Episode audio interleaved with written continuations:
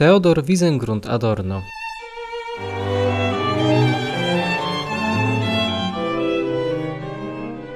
Wprowadzenie do dialektyki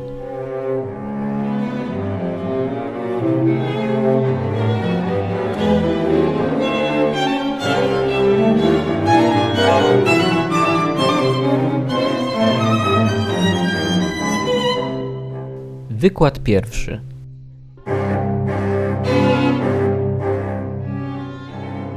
Ósmy maja 1958 roku. Przypis pierwszy. Pojęcie dialektyki, które tu zbadamy, nie ma nic wspólnego z szeroko rozpowszechnioną koncepcją takiego rodzaju myślenia, które jest odległe od samych rzeczy i rozkoszuje się jedynie własnymi środkami pojęciowymi. Rzeczywiście, moment filozofii, w którym pojęcie dialektyki pojawia się po raz pierwszy w myśli Platona, implikuje już coś przeciwnego, a mianowicie zdyscyplinowaną formę myślenia, która ma nas chronić przed wszelką sofistyczną manipulacją. Platon twierdzi, że możemy powiedzieć coś racjonalnego o rzeczach tylko wtedy, gdy rozumiemy coś o samej ich materii.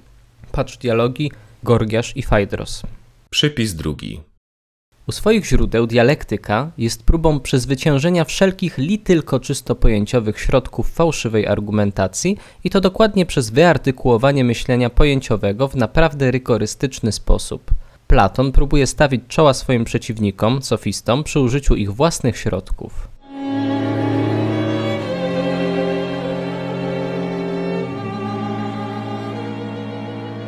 Niemniej jednak pojęcie dialektyki, jakie odziedziczyliśmy po myśli klasycznej, bardzo różni się od tego, co rozumiem przez to pojęcie, albowiem starożytne pojęcie dialektyki jest pojęciem metody filozoficznej. I do pewnego stopnia tak właśnie nadal jest.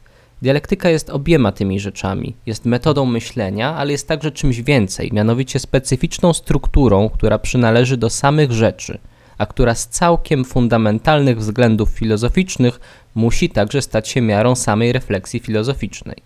Dialektyka oznacza dla Platona to, że myśl filozoficzna po prostu nie żyje stojąc w miejscu, ale działa kształtując naszą świadomość, gdy my nie zdajemy sobie z tego sprawy.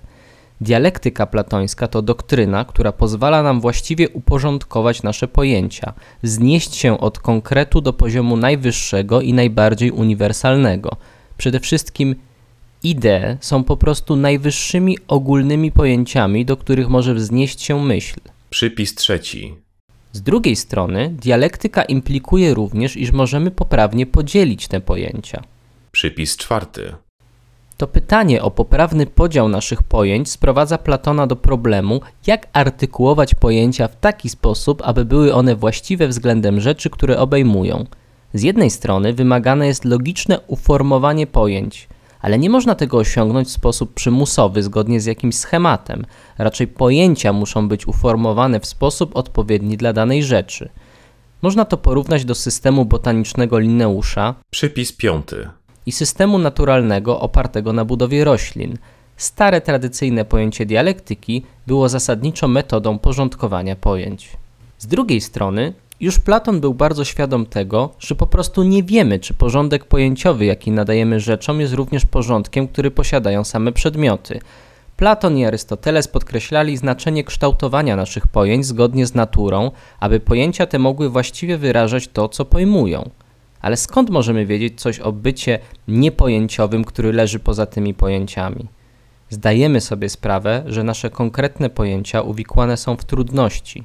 Następnie, na podstawie tych problemów, jesteśmy zobowiązani do opracowania bardziej adekwatnego zbioru pojęć. To jest podstawowe doświadczenie dialektyki. Sposób, w jaki nasze pojęcia są rozwijane poprzez konfrontację z tym, co wyrażają. Musimy spróbować porównać, czy to, co jest dane, zgadza się z pojęciami, czy też nie.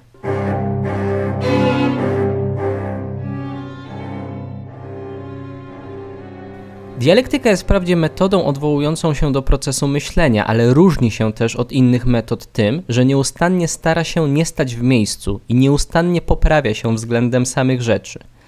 Moglibyśmy zdefiniować dialektykę jako rodzaj myślenia, który nie zadowala się jedynie porządkiem pojęć, ale raczej podejmuje się korygowania porządku pojęciowego przez odniesienie do bytu samych przedmiotów. W tym momencie sprzeciwu tkwi żywotny nerw dialektycznego myślenia – Dialektyka jest odwrotnością tego, za co się powszechnie ją uważa. zamiast być po prostu skomplikowaną techniką pojęciową, jest próbą przezwyciężenia wszelkich czysto pojęciowych manipulacji, utrzymania na każdym poziomie napięcia pomiędzy myślą a tym, co ona pojmuje. Dialektyka to metoda myślenia, która nie jest tylko metodą, ale również próbą przezwyciężenia momentów, w których metoda ma jedynie arbitralny charakter i dopuszczenia do pojęcia tego, co samo w sobie nie jest pojęciem. Natomiast w kwestii przesady. Przypis szósty. Twierdzi się, że prawda musi zawsze reprezentować poziom prostszy lub prymitywny, podczas gdy to, co bardziej odległe, może być jedynie dalszym arbitralnym dodatkiem. Pogląd ten zakłada, że świat jest taki sam jak fasada, którą prezentuje. Filozofia powinna zasadniczo kwestionować tę ideę. Myślenie, które unika wysiłku przezwyciężania utartych idei, to nic innego jak zwykłe powielanie tego, co mówimy i myślimy. Filozofia powinna nam pomóc, abyśmy nie dali się oszukać. W rozmowie z Goethem Hegel określił kiedyś dialektykę jako zorganizowanego ducha sprzeczności. Przypis siódmy. Każda myśl, która narusza fasadę, czyli konieczną iluzję, jaką jest ideologia, jest przesadą. Tendencja dialektyki do popadania w skrajności służy dziś właśnie temu, by przeciwstawić się ogromnej presji wywieranej na nas z zewnątrz.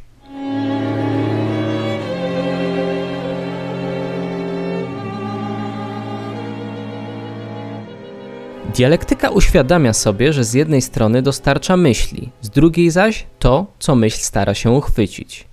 Myśl dialektyczna ma nie tylko charakter intelektualistyczny, gdyż jest to właśnie próba myśli, by rozpoznać swoje ograniczenia poprzez odwołanie się do samej materii. W jaki sposób myśli udaje się w ramach swoich własnych determinacji myślowych oddać sprawiedliwość tej sprawie? W fenomenologii Hegel twierdzi, że bezpośredniość powraca na każdym poziomie ruchu, któremu podlega myśl. Myśl wciąż na nowo napotyka pewien opór, napotyka to, co można nazwać naturą. Wprowadzenie do dialektyki można przeprowadzić tylko w nieustannej konfrontacji z problemem pozytywizmu. Takie wprowadzenie nie może przebiegać tak, jakby nie zostały opracowane kryteria pozytywizmu, wręcz przeciwnie. Musimy spróbować zmierzyć je ze sobą, a tym samym wyjść poza ich własne pojęcie. Pozytywizm nie jest światopoglądem, ale raczej elementem dialektyki.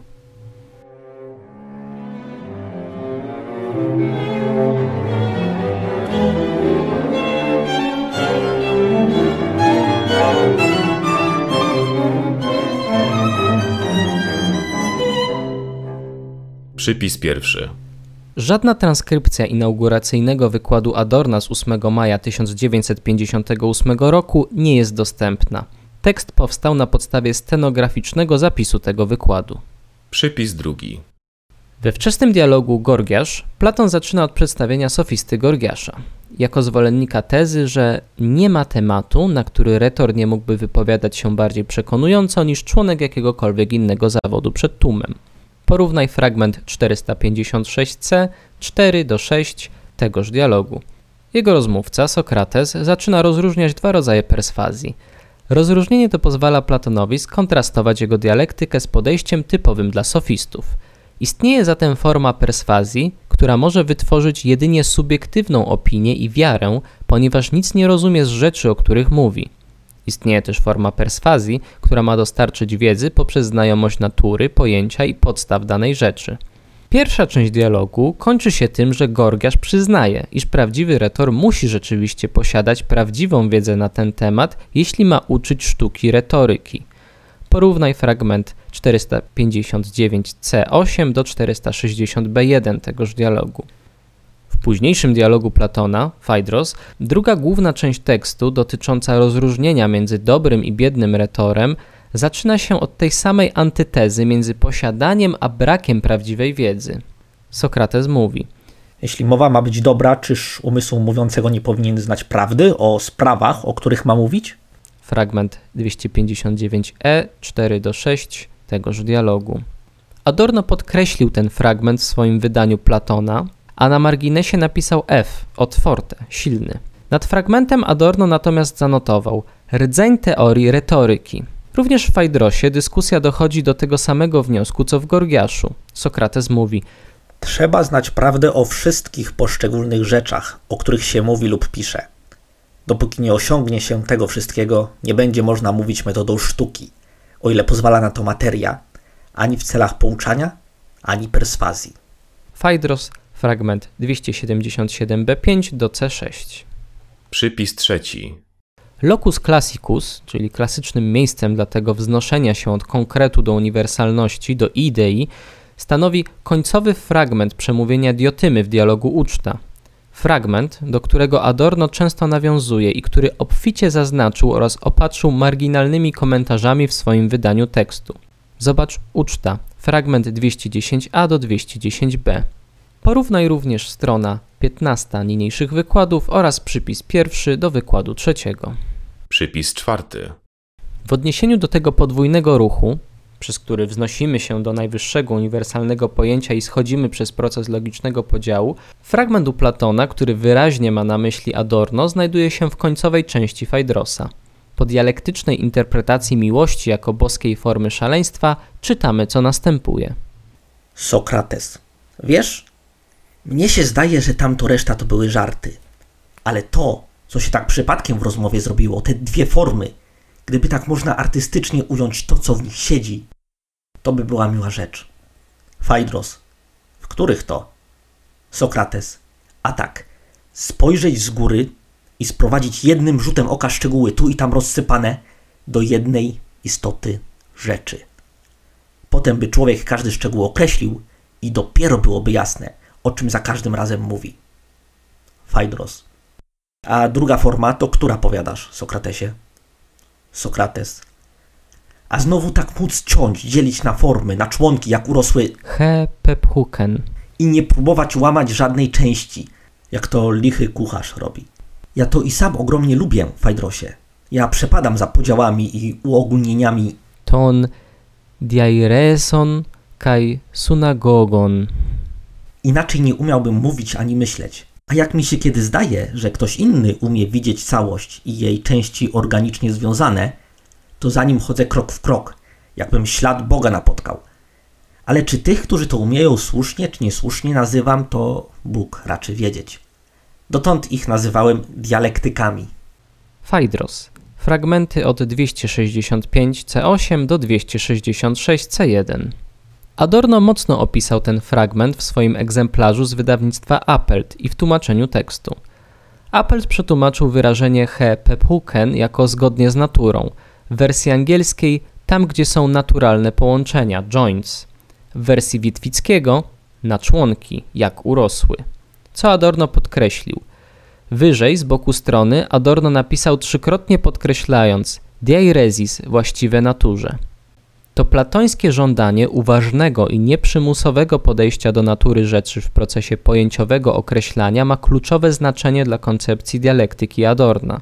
Rozwinął on szczegółowo tę myśl w dialektyce negatywnej, ponownie ze szczególnym odniesieniem do Fajdrosa. Zobacz, dialektyka negatywna w tłumaczeniu Krystyny Krzemieniowej, Warszawa 1986 rok, strony 64 do 65. Jeśli chodzi o późniejszą koncepcję dialektyki u samego Platona, to, co mówi w Fajdrosie, jest jedynie wstępną zapowiedzią jego nowej procedury definiowania przez podział pojęciowy, czyli diairesis. Procedury, która jest rozwijana i wyraźnie przedstawiana jako nauka dialektyczna jedynie w sofiście. Porównaj fragment 253d1 do E2. Przypis piąty.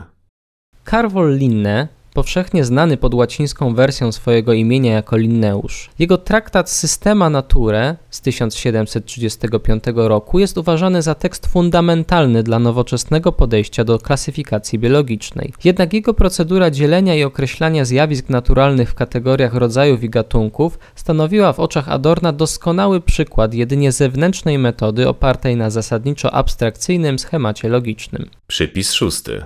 Adorno skonstruował swój wykład inauguracyjny w taki sposób, aby skonfrontować, a następnie stopniowo podważyć trzy powszechnie występujące uprzedzenia dotyczące dialektyki. Że jest to metoda sztuczna i czysto pojęciowa, że opiera się na pewnej przesadzie i że ma charakter intelektualistyczny. Przypis siódmy. Eckermann relacjonuje rozmowę, w której Goethe poprosił Hegla o wyjaśnienie, co rozumie pod pojęciem dialektyka. Filozof odpowiedział – W gruncie rzeczy dialektyka nie jest niczym więcej, jak tylko uporządkowanym i metodycznie ukształtowanym duchem sprzeciwu, który tkwi w każdym człowieku i okazuje się nader przydatny w rozróżnianiu prawdy od fałszu. Zobacz Johann Peter Eckermann. Rozmowy z Goethem w tłumaczeniu Krzysztofa Radziwiła i Janiny Zelcer. Państwowy Instytut Wydawniczy Warszawa 1960, tom 1, strona 463 z przypisami. My ten fragment cytujemy za Minima Moralia Adorna w tłumaczeniu Łukasiewicza, wydawnictwo literackie Kraków 1999 rok, strona 79 oraz przypis na stronie 321. Koniec pierwszego wykładu. Opracowanie wersji polskiej i produkcja Michał Ramzługowski dla Studia FTB. Fragmenty kwartetu smyczkowego, skomponowane w 1921 roku przez Theodora Wiesengrund Adorna w wykonaniu Leipziger Streichquartett. Montaż wideo i opracowanie graficzne Michał Idasiak.